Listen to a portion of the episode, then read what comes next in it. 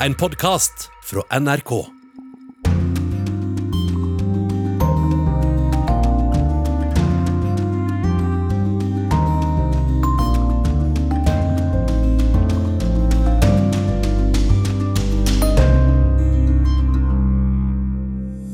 Akkurat nå skjer det i Singapore. Den amerikanske forsvarsministeren med harde ord mot Kina. The United States stands firmly beside our partners Kinas og USAs forsvarsministre har hatt sitt første møte på denne helgens sikkerhetskonferanse i Asia. Det ble konflikt. Og i Ukraina er forsvarerne under hardt press nå. De ukrainske soldatene lider under nesten utømmelige mengder russisk artilleri. Ukrainerne selv sier de er i ferd med å slippe opp for ammunisjon. Og det har vært korrespondentmøte i utenriksredaksjonen denne uken, så du vil møte noen av deltakerne dersom du følger med videre. Før brevet fra Bangkok denne gangen. Velkommen til Urix på lørdag. Jeg er Halvard Sandberg. Vi starter denne sendingen med det toppolitiske spillet som akkurat nå foregår i bystaten Singapore. Der møtes forsvarsledere i forbindelse med Shangri-La Dialogue Security Summit, Asias største sikkerhetskonferanse. Blant mye som skjer, så legger Kina og USA frem sine strategier for Asia og Stillehavsregionen. De to landenes forsvarsministre har hatt sitt første møte, og de er mildt sagt ikke helt enige. Philip Lote rapporterer fra Singapore. Det summer i lobbyen. Ikke noe sted i Asia kan du se like mange kvinner og menn fra like mange steder i militæruniform på samme tid. Shangri-La Dialogue i Singapore er Asias største sikkerhetskonferanse. I år med Ukraina-krigen som bakteppe og med en opptrapping av maktkampen i stillehavsregionen, åpnet Japans statsminister møtet i går kveld. Han sa at Ukraina-krigen har endret Japans sikkerhetspolitikk og forholdet til Russland. Landet med en pasifistisk grunnlov bistår nå Ukraina, og vil også samarbeide tettere sikkerhetspolitisk med naboland i Asia. Både USA og Kina legger frem sine strategier for Stillehavsregionen på årets konferanse. Først ute i dag var USAs forsvarsminister Lloyd Austin. The United States stands firmly beside our partners. Han sa at Kina har endret oppførsel og er blitt mer aggressive. She adopts a more coercive and aggressive approach to its territorial claims. In the South China Sea, the PRC is using outposts on man made islands bristling with advanced weaponry to advance its illegal maritime claims. Philip Lote, du kommer nettopp fra en pressebrif med Kina. Hva er deres svar på den amerikanske forsvarsministerens tale?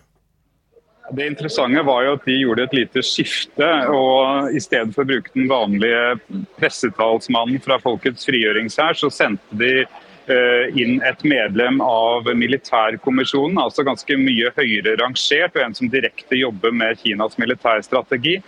Han sa at USA, når de sier de vil slåss for frihet og åpenhet i Asia, bruker det som et skalkeskjul for det som er en, egentlig er en kamp for å beholde sitt hegemoni i området, sin dominans. og eh, La bl.a. til grunn for dette at eh, ASEAN-landene, altså landene i Sørøst-Asia som Indonesia, Filippinene, Thailand, Singapore, eh, ofte har en mer nøytral tilnærming. Så prøver da ifølge Kina USA å tvinge dem inn til å ta side eh, i favør av USA.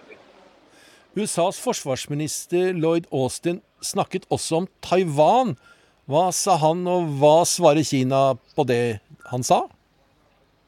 Det han sa var at USA egentlig ikke har endret sin politikk. De står for ett-Kina-politikken, at eh, Taiwan er en del av Kina, men at en gjenforening ikke skal skje med bruk av tvang eller eh, makt. Eh, han bekreftet at USA har inngått en ny våpenavtale med Taiwan, og det er det dette Kina sier at gjør hele ett-Kina-politikken til USA hul. At de fortsetter å støtte opp om det som da gjør det mulig for Taiwan å stå imot fastlandet, samtidig som de sier at de står fast ved den gamle politikken. Så her var det ganske klare fronter. Den ukrainske presidenten Zelenskyj snakket til forsamlingen via videolink for kort tid siden. President Biden har sagt at maktbalansen i verden blir avgjort i Asia, men hvordan spiller krigen i Ukraina inn nå?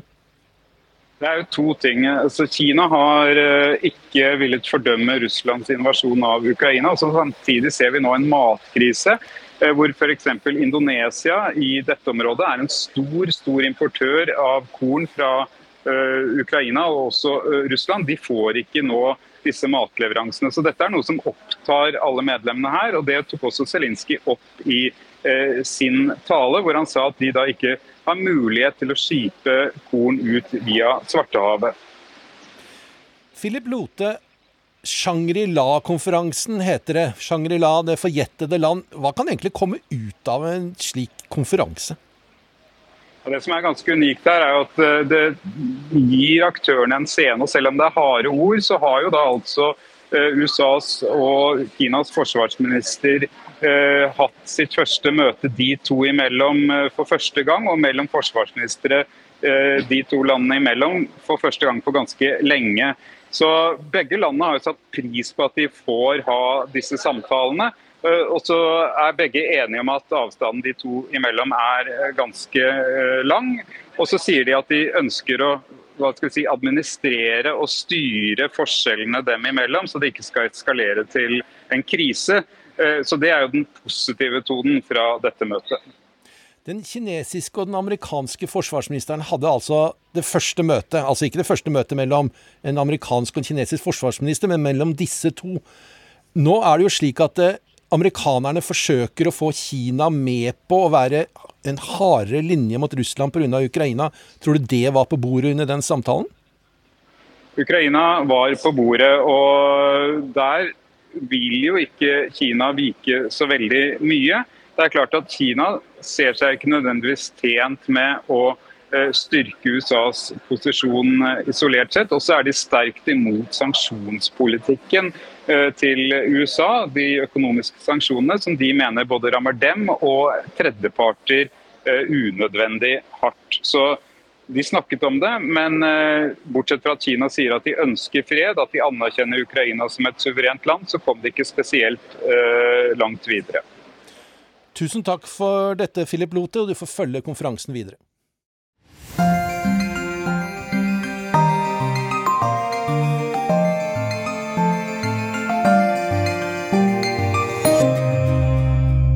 Philip Lote er som vi hørte i Singapore, men han er omtrent den eneste av våre korrespondenter og reportere som har vært på farten i det store utland denne uken.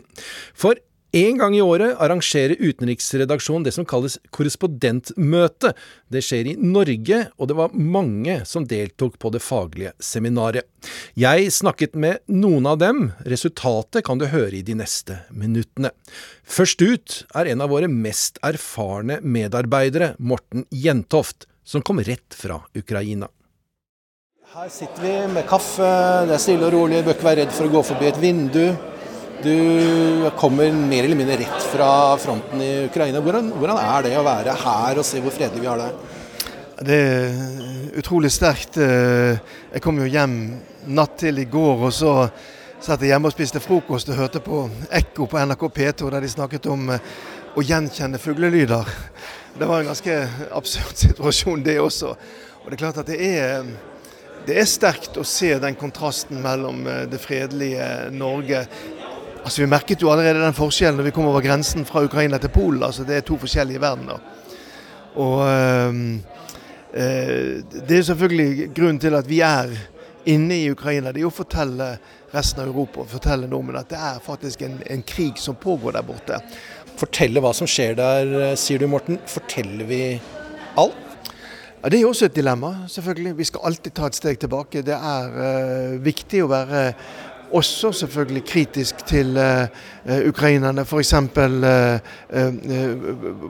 har driver de også og skyter. Altså disse husene som vi ser som er ødelagte. Hvor mange av dem er truffet av ukrainsk ild? Selvfølgelig er det en del av dem som er det også. Det er en kryssild her. Sivilbefolkningen havner ofte i en, i en kryssild. Det, det brukes kraftige våpen fra begge sider. Men samtidig så må vi jo holde fast med det viktigste her. Dette er en angrepskrig fra russisk side. Det er hovedsiden i dette her. Så er det selvfølgelig før det russiske angrepet også en forhistorie, hvor det har vært to parter. Eh, kunne ting ha vært gjort annerledes? Hva slags rolle har Nato og USA spilt i dette? her? Eh, har de vært med på å eh, øke konfliktnivået, eller kunne de gjort andre ting? Det, det, må vi jo bare diskutere i historien, og det er vår jobb til å gjøre det også. Men akkurat nå er det jo først og fremst en, en, en russisk angrepskrig som, som, har mange årsaker. Jeg tror nok at det er viktig også å se at dette handler også om et, et regime i Russland som har gått fra vondt til verre, som jeg også opplevde på nært hold i den perioden jeg var i, var i korrespondent i Moskva fra 2014 til 2018. En stadig sterkere militarisering av samfunnet, undertrykkelse av opposisjonen, undertrykkelse av den frie pressen. Og, og, og alt dette eh, kulminerte jo med dette mordforsøket på opposisjonspolitikeren Aleksej Navalnyj, som for meg var en, var en, viktig endring midt oppi dette her. Mm. Noe som slo meg i en reportasje fra nær frontlinje i Kharkiv, det var Kharkiv, den siste du hadde der. Du hadde med en gammel, ganske gammel ukrainsk soldat som fulgte deg, tror jeg. Mm, mm. Tror jeg han var omtrent på min alder, en høyt utdannet person. Vi, sa på 'Mennesker ved grensen'. Det er en veldig god bok. Ja, så hyggelig Den var veldig, og det var ting som jeg ikke visste om, at de hadde bodd så lenge på Fiskehallen Ja, det var veldig ny informasjon. Du er en av mine fan, du. Ja, gjerne. Du har lest finlandsbøker. Ja, ja. Du, du må bare Hvis det var flere bøker, så må du bare lese det. De om colanordmenn, det vil jeg anbefale. OK, Anniken. Ja, ha det.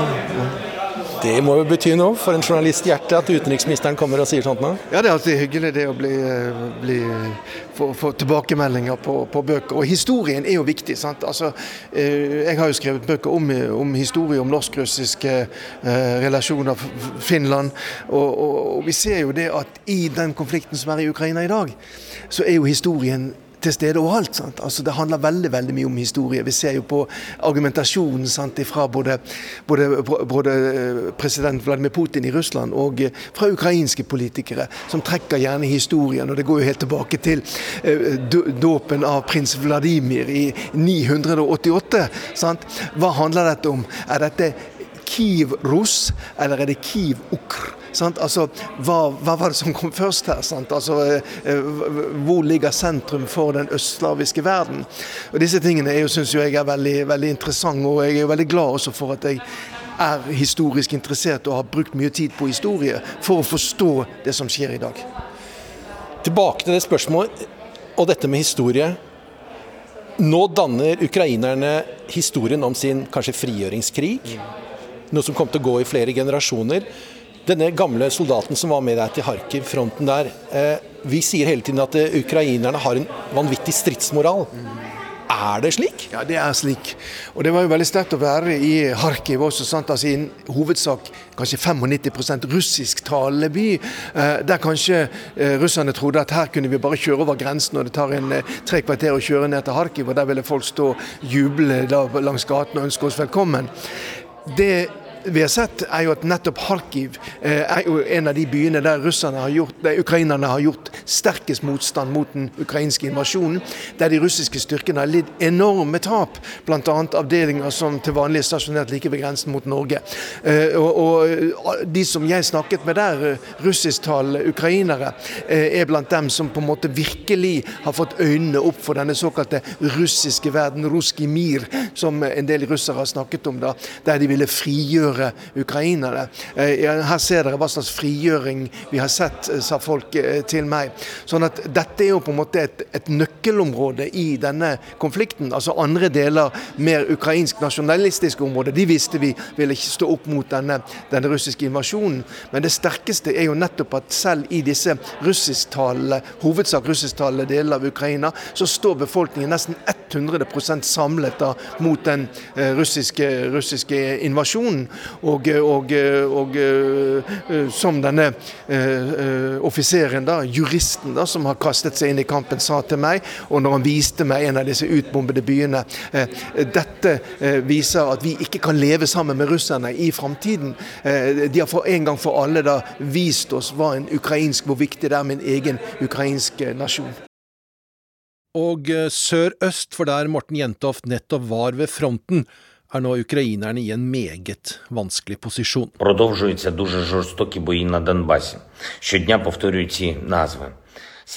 Veldig harde kamper foregår nå i Donbas, sa president Zelenskyj i går kveld. Ukrainerne sier de mister mellom 100 og 200 soldater om dagen, og omtrent 500 blir såret. Altså taper de omtrent én bataljon om dagen. Og de sier de er i ferd med å gå tomme for artilleriammunisjon, etter å ha brukt 5000-6000 granater og raketter om dagen. Ukrainske soldater i en skyttergrav, de er under russisk artilleriild.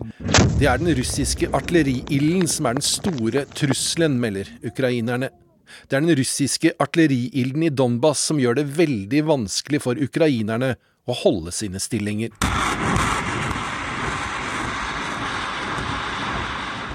For russerne ser ut til å ha nesten ubegrenset med artilleriammunisjon nå. Vi hører russisk rakettartilleri som skyter på mål bare noen hundre meter unna. Russerne ser ut til å ha løst noen forsyningsproblemer og opprettholder en meget intens ildgivning. De russiske styrkene har ti ganger så mye artilleri enn oss, sier ukrainerne. Og ifølge det russiske forsvarsdepartementet lider de ukrainske styrkene også store tap i luften. Russerne hevder nå at deres luftforsvar har skutt ned tre ukrainske kampfly. Det skal være to MiG-29 jagerfly og ett Su-25 angrepsfly. Reuters skriver at det ikke har kommet en bekreftelse fra ukrainske myndigheter.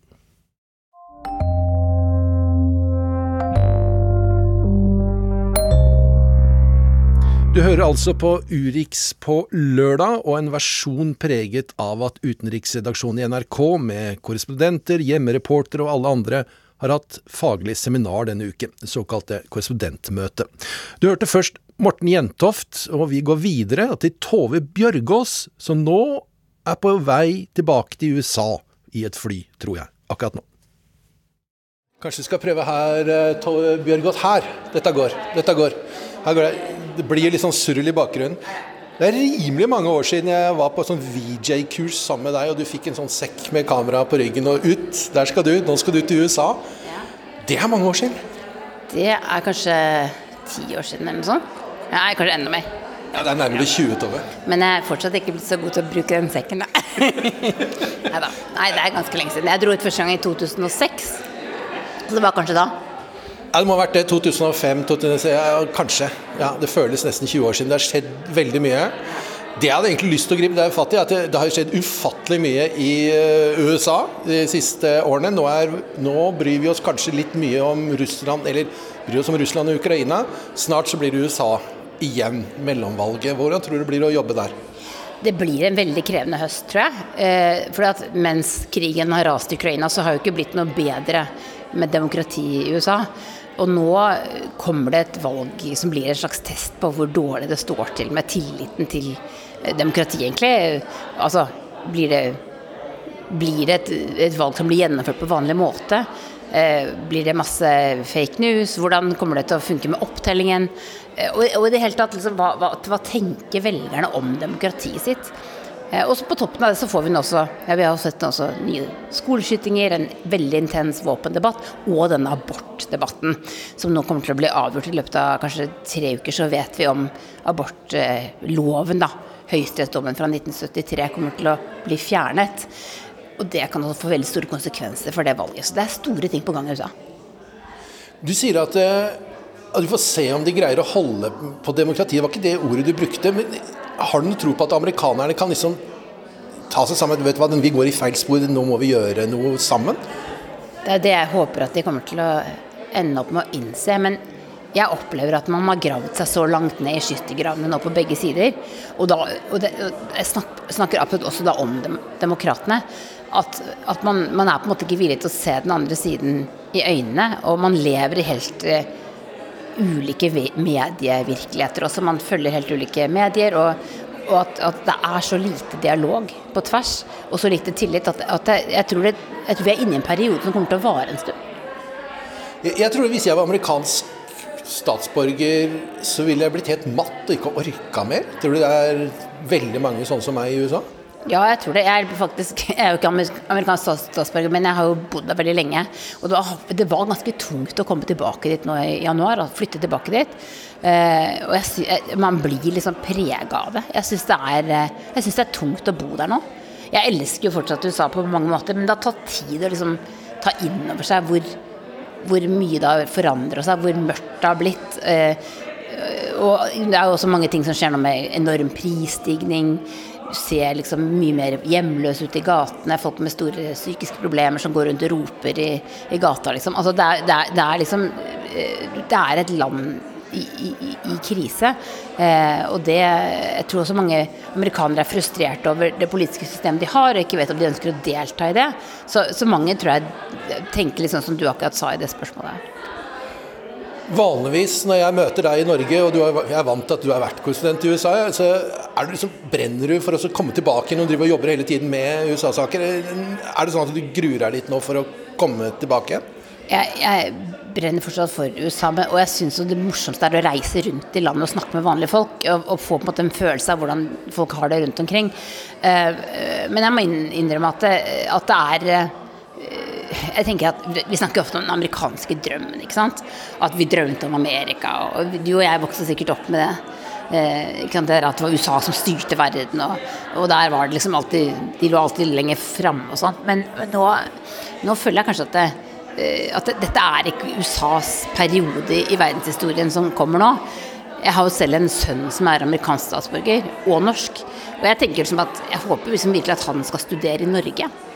Eh, og jeg kjenner faktisk en del eh, norske som har, som har bodd i USA lenge, som har barn som har vokst opp der. Som har, barna har nå flytta tilbake hit til Norge, som aldri har bodd i Norge, fordi de ønsker ikke å bo i USA. For de ser ikke noe framtid der. Så dette var veldig mørkt. det var veldig mørkt. Det var veldig mørkt over. Sånn, ja. det er litt sånn. Ja. Ok, greit. Fint, ja. ja. Da går vi videre på programmet. NRK har to korrespondenter i USA. Lars Os er den andre. Og før han tok turen til Oslo, lagde han en reportasje om noe av det mørke i De forente stater. Once weekly Trulicity is proven to help lower A1C, and it can help you lose up to 10 pounds. Det her er reklame for diabetesmedisin. Og det er helt normalt i USA. Det er faktisk bare her og i New Zealand det er lov til å reklamere for reseptbelagte medisiner. Rundt 75% av all reklame på TV i USA er betalt av legemiddelindustrien. Amerikanerne er sjukelig opptatt av medisiner. Og gjennom reklame kan pasienter reise åt legen sin og forlange medisin de tror de trenger. Det gjorde at legemiddelselskapene så muligheten til å tjene enda mer penger.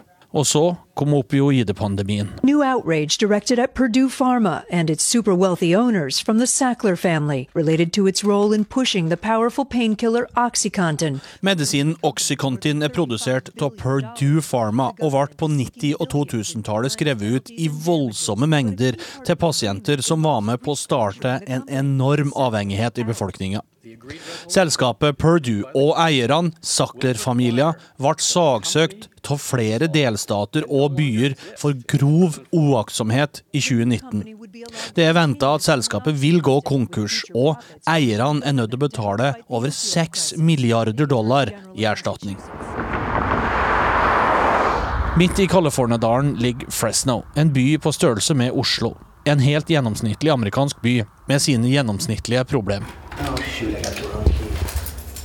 Jeg er på besøk til dansk-ætta Flint Anderson. 66-åringen ser litt sliten ut i ansiktet, men han har et bredt og stort smil. Det er det en veldig god grunn til. Han har nemlig vært fri fra opioider i nesten 22 år. Flint forteller at han var avhengig av sterke opioider og andre medisiner etter mange år med operasjoner i ung alder. Han bodde sammen med familien sin og hadde en jobb å gå til. Men han brukte flere titalls piller hver eneste dag. Og da familien skulle renovere garasjen, datt over 7000 tomme pilleflasker ned ifra taket. Han hadde et problem, men han fikk òg hjelp. I dag driver han et senter for å hjelpe andre, både brukere og nærmeste pårørende. when kids that I work with, Det er to ting unge sier når de kommer hit. Det ene er at de har sett Gud. Det andre er at de aldri vil glemme den første rusen. Han beskriver unge rusavhengige som kommer til avrusningssenteret, og fortvila foreldre som ikke skjønner at dommers unger har blitt avhengige. For i 2021 har over 107 000 amerikanere dødd av overdose. Det er en ny rekord. Noe av grunnen er koronapandemien, fordi misbrukere har vært mer for seg sjøl. De har ikke fått noe særlig hjelp. Men samtidig sier Pure Research at færre amerikanere tror at rusavhengighet er et stort problem i dag. Men allikevel har overdosedødsfallet steget over 8% på få år. Og blant de 107 000 døde drepte opioider over 70 000 amerikanere. I hovedsak ifra fentanyl. and it's a very very good drug when used properly. It's something that we do need. Fentanyl er nødvendig på sykehus og pleiehjem for å behandle pasienter. Men det er så farlig at det òg kan drepe deg hvis du ikke har toleranse mot det. I løpet av ett år fra 2019 har antall overdosedødsfall blant unge mellom 18 og 25 økt med rundt 50 Det er over 7000 unge amerikanere som dør hvert år til opioider nå. Flint sier det er skremmende.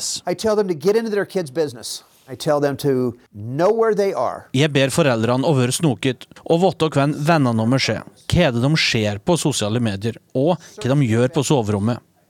Jeg vet ikke hvor mange foreldre jeg kjenner som har funnet ungene sine døde på rommet sitt. But yet we are På meg så høres det ut som opioidepidemien en tapt sak i Flints øger. We as a society here in the United States, we are not prepared to handle all the people that are that are addicted to fentanyl right now and other opiates. Da jeg spør hva som kan gjøres for å redde ungene fra avhengighet, ser Flint meg alvorlig i øynene.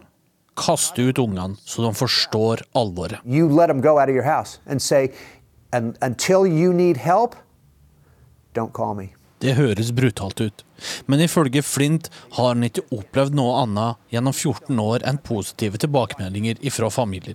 Ungene deres skjønner til slutt at de trenger rehabilitering. The reason why I'm saying this stuff is because this is what I did. I was that addict.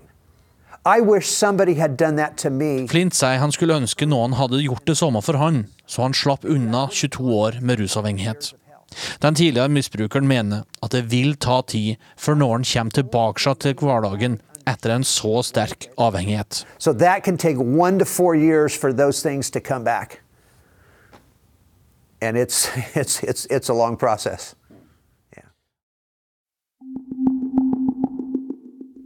Du hører Urix på lørdag, og en sending som preges av at utenriksredaksjonen i NRK har hatt faglig samling denne uken. En av de mange som hadde tatt turen til Oslo, var Gry Blekastad Almås. Du var strålende når du rapporterte om uh, ikk, dime, Nei, hva var det? Dime, Platinajubileum heter det. Ja, 70 år. Det var det. Det var, og så gikk det rett over til eh, den vanlige politiske greiene med Boris Johnson. Og da, det slo meg Hvorfor i alle verden er Boris Johnson så veldig upopulær i egne rekker? Han er liksom så superhelt i andre land. Ja, han, jo, han er, har jo den der evnen til å være både superhelt i enkelte miljøer og, eh, og da skape den splittelsen han gjør i eget parti. Nei, hvorfor det er vanskelig å si. Er jo, han er jo en helt spesiell politisk, eh, eller politiker. Han spiller jo ikke etter noen spilleregler eh, og gjør ting helt på, på sin helt spesielle måte. og Det tror jeg jo er deler av grunnen til den appellen han har blant velgerne også.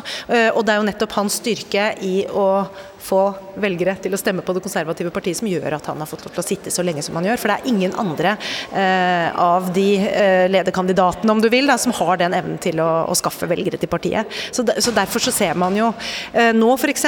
at man, eh, en, en, av opprørerne, en av hans motstandere, som også er en potensiell eh, ny leder, da, Jeremy Hunt Nå blir det snakk om at de skal prøve, altså at Boris Johnson bør ta Jeremy Hunt inn i regjeringen, og kanskje som finansminister, fordi han er en mer ansvarlig politiker politiker eh, enn Boris Johnson, men beholder Boris fordi han er, en velgermagnet. Eh, så han har noen egenskaper, og så mangler han noen andre egenskaper, og det skaper stor splittelse. Før han ble statsminister, og egentlig før brexit-greiene, og han var borgermester i London, så så litt på litt sånn bajas. Og det folk eh, jeg leser nå, folk sier at han er blåst i huet. Er han det, eller er han ganske smart? Nei, jeg tror han er ganske intelligent, egentlig. Men han har, han, han har brukt disse bajas-sidene ved seg eh, veldig bevisst. Og han har jo eh, vært vant til å behandle sannheten på sin helt spesielle måte eh, opp gjennom hele livet, egentlig, og, og kommet uh, unna med det. Så, så, det er sånn han er oppdratt, og det, det, det er han vant til at, at funker for seg.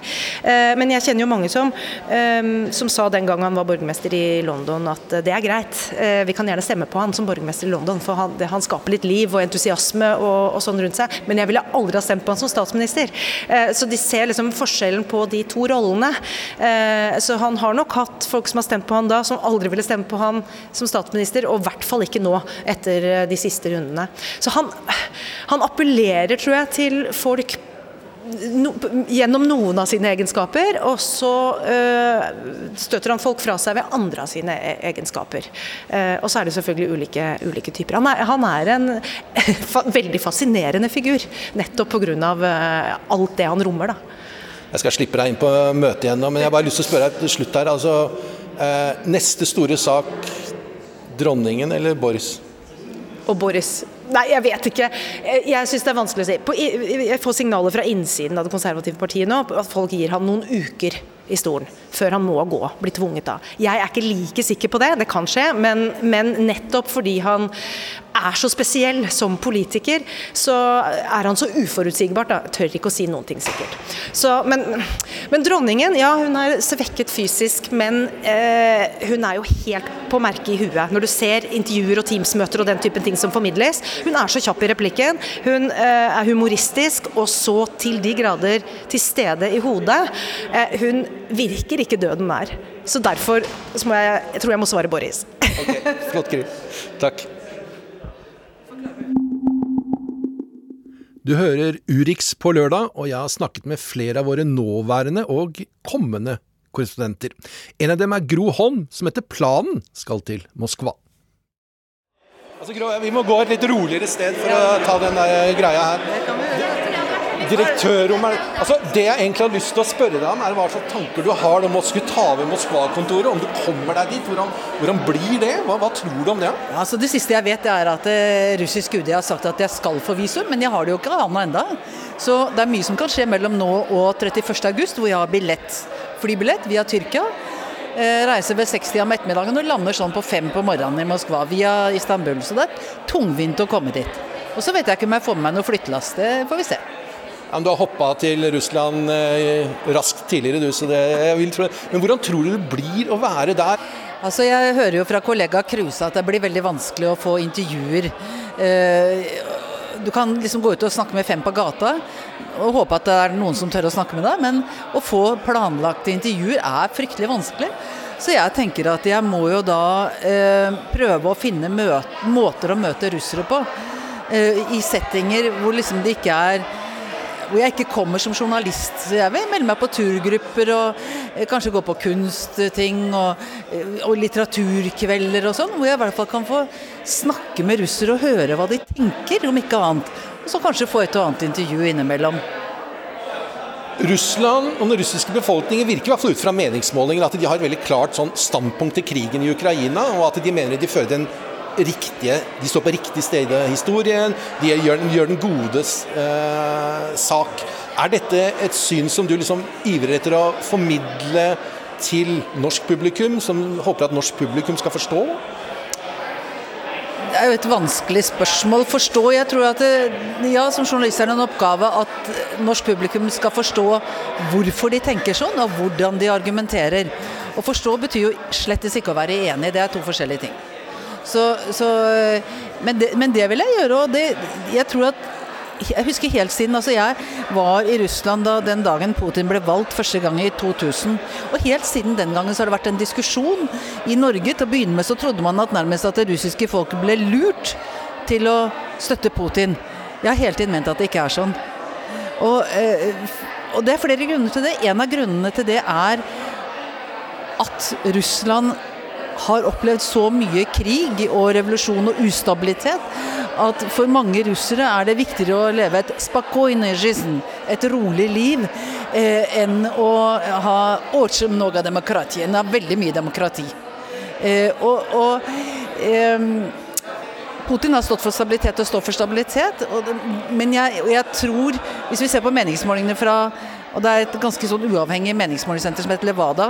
Hadde meningsmålinger om krigen i eh, Unnskyld, om støtte til Putin i november i fjor og i april i år. Det er den siste jeg har sett. Støtten har økt kraftig. Det er over 80% som nå støtter Putin og sier han gjør en god jobb. Det var rundt 17-18% færre i november i fjor. Og det er jo pga. krigen. Og så kan du si at ja, her får folk mye falsk informasjon. Det er helt klart. De som ikke leter selv på YouTube f.eks. Eller har VPN-løsninger så de kan gå eh, rundt den russiske sensuren. De får jo falsk informasjon om krigen i Ukraina.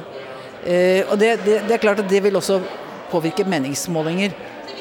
Eh, det, men, men det, er en, det, er en, det er en kjerne av grunnleggende støtte både til Putin og til krigen. Det tror jeg det er. Lykke til med ditt virke i Moskva. Kanskje.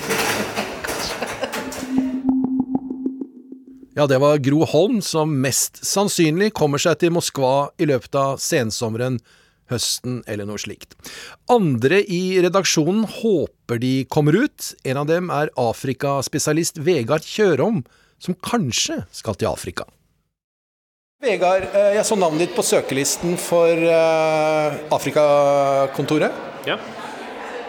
Hva vil du prøve å få til hvis du får den jobben?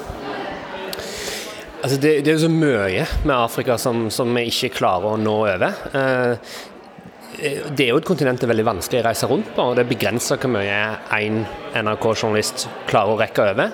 Så det jeg tenker at hvis jeg er heldig å få den jobben, så vil jeg være fokusert på reportasjereiser, fortsette å tenke det, men òg samtidig klare å Eh, skrive det vi kaller for Urix-forklarer, f.eks. Altså mer innsikt, forståelse. Eh, saker som du ikke nødvendigvis må ut i felt for, men som du òg kan, kan, lage både fra desk i Oslo, men kanskje enda bedre fra et eh, kontor en plass i Afrika. Da. Og sånn tror jeg du må tenke kanskje i økende grad, fordi Afrika er et kontinent som, hvor i mange land så er det vanskelig å være journalist. Det er lange visumprosesser. Um, så en blanding av å både tenke hele veien neste reportasje, og òg da når en tenker reportasjer, prøve å få med Afrika inn i det globale bildet. Der tror jeg vi har litt å gå på. Hvordan har Afrika takla pandemien? Hvordan takler de fortsatt pandemien? Det er mange skolebarn som ikke har gått på skolen i to år. Mange jenter som er avhengig av å gå på skolen for f.eks. ikke bli gift bort som barn, eller få, få, egne barn i en veldig ung alder. Um, hvordan påvirker det afrikanske samfunn både på kort sikt og lang sikt? Så har vi òg en pågående krig i Ukraina som fører til høye drivstoffpriser, matvarepriser, andre varer. Eh, og en, i mange land hvor folk lever på randen av fattigdom, så, så skaper det for det første svære humanitære utfordringer, men det kan òg føre til at svake regimer kanskje faller. Det har vi sett i Sudan tidligere. I Guinea er det masse bråk nå. Så Det er òg saker som jeg tenker er viktig å følge med på og få med et afrikansk perspektiv der. Og så er det jo alle de der flotte, fine historiene òg som finnes, og som er for dårlige til å få fram. Og det, eh, ja, det, det er jo noe jeg brenner for, fordi jeg er veldig glad i Afrika. Og det er av en grunn. Og det er fordi det er utrolig mye flott som skjer der òg. Og det, det skal jo litt til for at det når opp i et ganske dystert nyhetsbilde. Så det er en utfordring. Du tok spørsmålet mitt, for jeg tenkte å spørre deg Syns du vi også burde ha de sterke historiene som kan inspirere, når det eventuelt tar vekk sendeplass, spalteplass, fra de folkene som faktisk lider? Ja, og det tror jeg er òg til Afrikas fordel. At en klarer å vise det de, de, kontrastene som finnes der, og det mangfoldet som finnes. Um, for, for det, er des, altså det, er jo dessverre for mange konflikter og for mye nød til at vi kan fylle alle sendeflater. Uh, du kan bruke viktighetsargumentet veldig ofte, da, uh, sak for sak, men summen av det uh, Det rekker vi ikke over, det, og det må vi på en måte til slutt erkjenne. Men hvis vi bare fokuserer på alle de krisene som er, så blir det òg en veldig sånn skjevdekning av et helt kontinent, hvor det òg skjer masse positivt. Eh, F.eks. er det mange afrikanere som skal få tilgang til, til elektrisitet. Eh, og Det har de rett på, på lik linje med meg og deg. Eh, de skal utvikle seg, de skal utvikle samfunnene sine. Samtidig så står vi overfor en situasjon der verden er nødt til å slippe ut mindre CO2. Og det grønne skiftet der, da, for vi afrikanerne og afrikanske land på det grønne skiftet, det er sånn, der skjer det mye positivt. Um, og det går an å vinkle det veldig negativt. Altså, så, så, og òg inni konflikter, inni nød, så er det òg mange positive historier å fortelle. Da. Så du kan fortsatt snakke om en eh, kritisk situasjon, men det trenger ikke alltid være det der en dystre, mørke vinklinga, da. Så en bedre balanse der, det tror jeg òg taler til Afrika som fordel. Fordi eh, mange nordmenn sitter med litt sånn Vi begynner å bli litt lei av å høre at det aldri blir bedre. Men på veldig mange felt så blir det bedre, og det må en òg få fram. Tusen takk.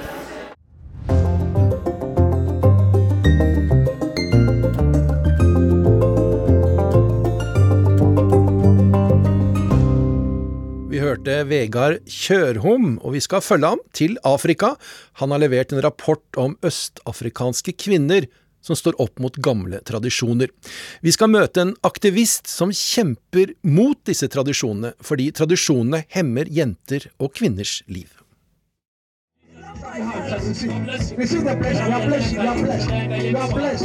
En prest velsigner tenåringsjenter som står på rekke og rad.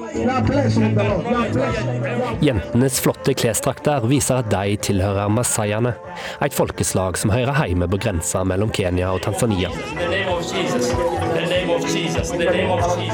En dag i slutten av april var flere tusen jenter samla i Kajiado, et par timer kjøring sørover fra Nairobi. Masaiene har mange tradisjoner, og denne dagen var det jentene som skulle gjennom et fast rituale som markerer at de er i ferd med å bli kvinner. Men det var noe litt annerledes akkurat denne gangen. For samtidig med feiringa ble det også holdt et kurs. Jentene fikk lære at de trenger ikke være omskjærte for å være ei ekte kvinne, og at omskjæring kan føre til alvorlige skader på underlivet og store smerter både med en gang og mange år seinere. De snakker også om barneekteskap.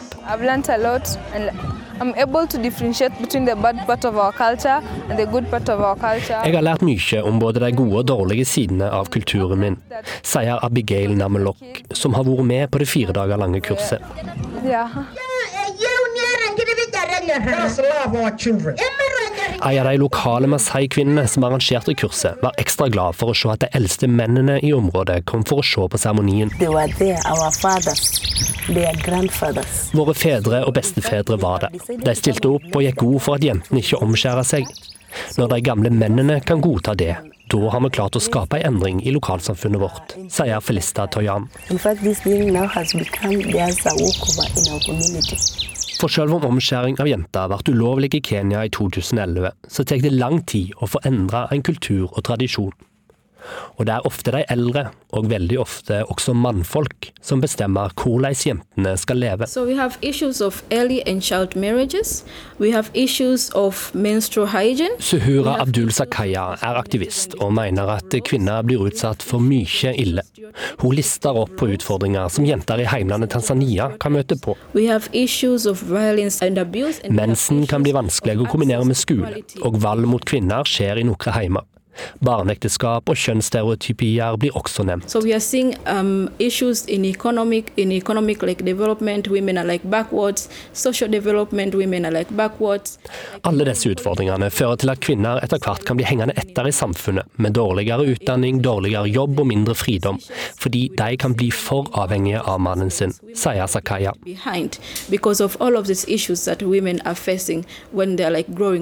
Hun forteller om et liv med mye motgang, bare fordi hun er jente. Hun har opplevd at familiemedlem håndterer hun dårlig, for hun skal bare giftes bort, og ikke bære familienavnet videre. Hun forteller også at jenter i Tanzania ofte må jobbe hardere for å komme seg fram i arbeidsliv og samfunnet ellers. Men all motgangen har også ført til noe godt, for Sakaya har blitt en aktivist som kjemper for kvinners retter, og hun samarbeider mellom annet med Plan International hjemme i Tanzania. Nylig besøkte hun Norge for å delta på Oslo Freedom Forum. Der fortalte hun om hvordan det å endre på eldgamle tradisjoner og kultur kan ta tid. Veldig lang tid. It, it is not a one day job and a one person's job. You have to like involve all of the people, Dette er ikke en jobb som er gjort på en dag og av bare én person. Massevis av folk må bli inkluderte, og de må bli inkluderte på deres egen heimebane, sier Sakaya. Done like. Det er ikke nok å endre lover, for både i Kenya og Tanzania har det i mange år vært ulovlig å omskjære jenter. Det samme gjelder barneekteskap. Likevel så skjer det altså. Omskjæring skjer i over 30 land i verden. FN anslår at rundt fire millioner jenter blir utsatt for omskjæring hvert eneste år. Men den gode nyheten er at det går den riktige veien flere steder. Slik som i Masai-landsbyen i Kenya, der det er halve kurs. Handlingsskapende arbeid, spraying av informasjon og en god dose tålmod, det er oppskriften om en skal vinne over eldgamle tradisjoner. Men det må tas skritt for skritt og jente for jente. Vi skal avslutte denne Urix på lørdag med samme person som vi begynte, Philip Lote. Han har skrevet ukens brev. Det er postlagt i Bangkok. Det handler om unge mennesker Philip har møtt. Ungdom som har gått gjennom to og et halvt år med pandemi, men som i mai kunne ta fatt på neste etappe i livet og en ny og spennende skolehverdag. Det er noe de gjør med blandede følelser. Her i Thailand vil lærerne ofte at du skal løse oppgaver på en PC eller pad. Så skal du sette opp et livekamera på en annen dings, hvor læreren kan se at det er du som gjør skolearbeidet, sier Palm. Klokken er litt over 15. Fem ungdom på alle 15 år møter oss i sentrum av Bangkok. De har lagt bak seg to og et halvt år med pandemi. De er tilbake i fysiske klasserom på ny skole. De kom seg gjennom det digitale nåløyet. Ikke alle gjorde det samme. En venn av meg er egentlig flink på skolen. Han hadde PC og mobil, men hjemme hadde han ikke gode nok datapakker eller internettabonnement. Når nettet begynner å lugge, så får du ikke levert raskt nok. Da begynner læreren automatisk å trekke poeng. Karakteren blir dårligere, sier Palm. Og i Thailand betyr karakterer mye, bryter alle fem ungdommene ut. Min venn ga opp nesten med en gang og sa dette kommer jeg aldri til å klare, forteller Palm. Unges erfaringer verden over under pandemien ligner. Smittebølger, stengte skoler, skoler som åpner igjen, inn og ut av digitale klasserom.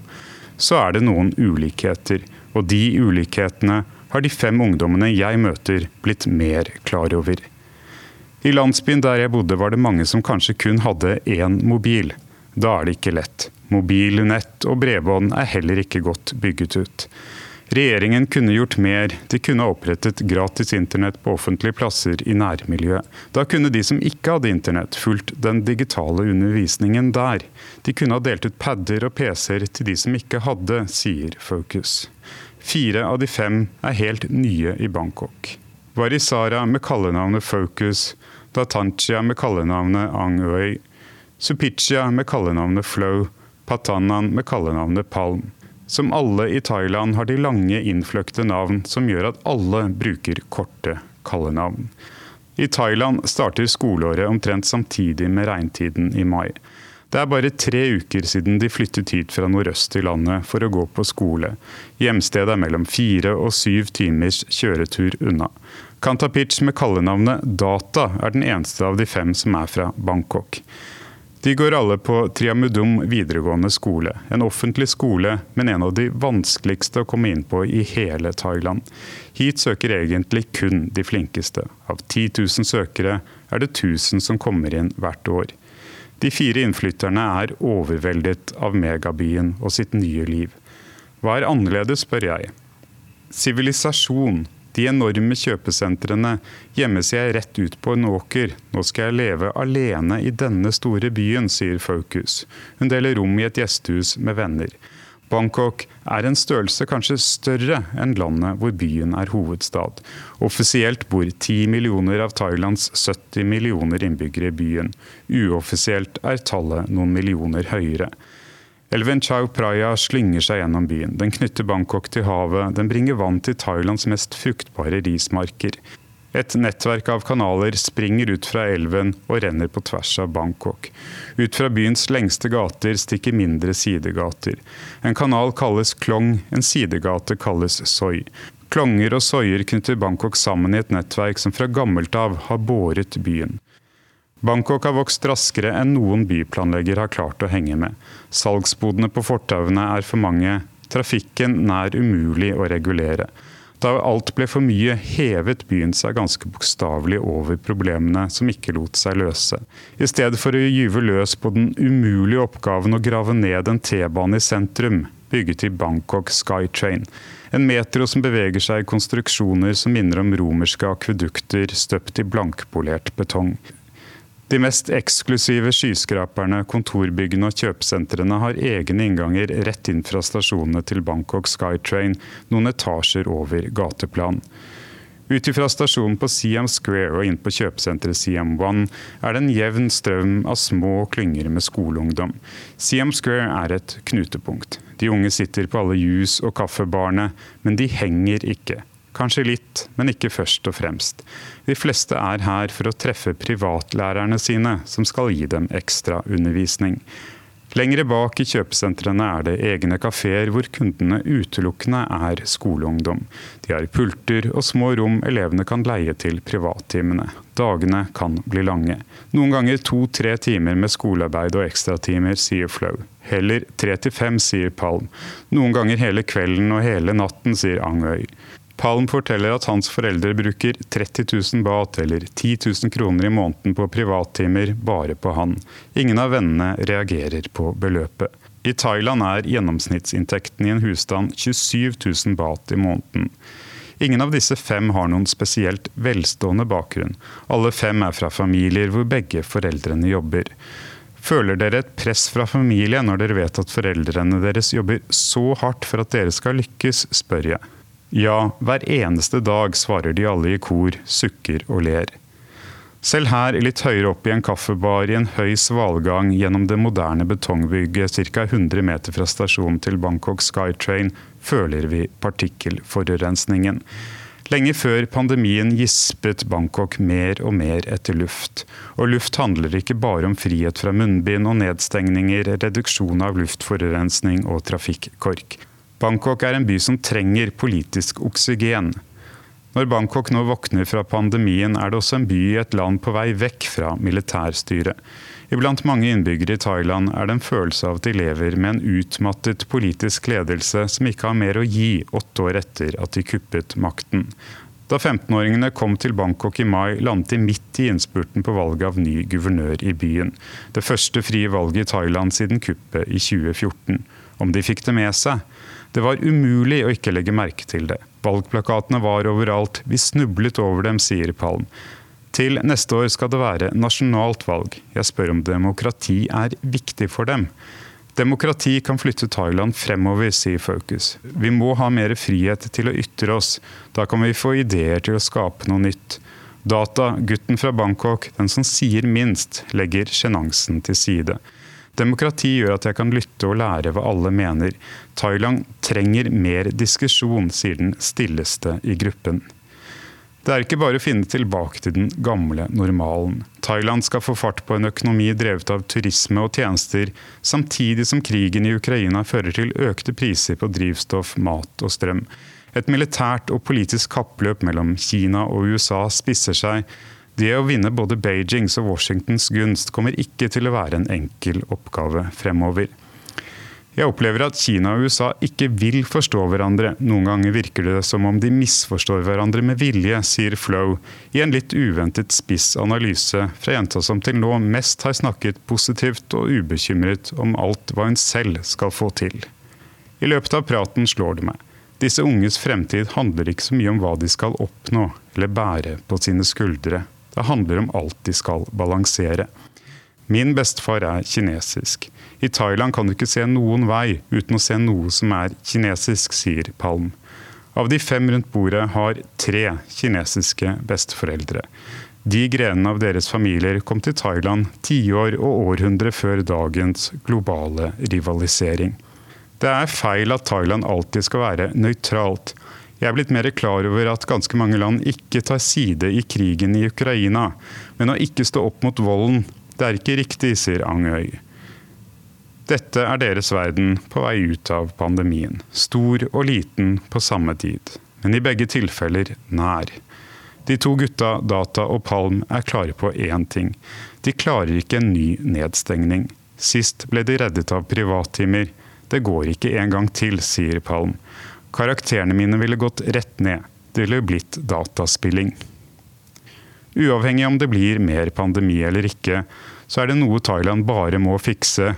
Og det er skolesystemet, sier Ang Høy. Jeg skal egentlig til å reise meg og gå, men de fem holder meg igjen. Det er noe jeg må forstå, sier de fem ungdommene, som alle har landet en plass på en av landets beste videregående skoler.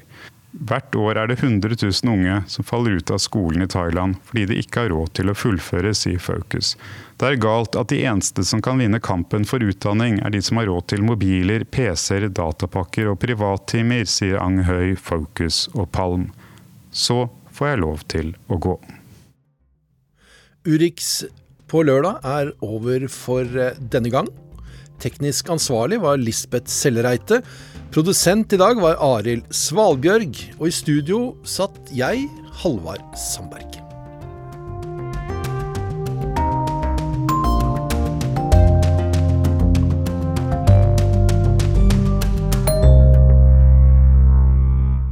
Du har hørt en podkast fra NRK.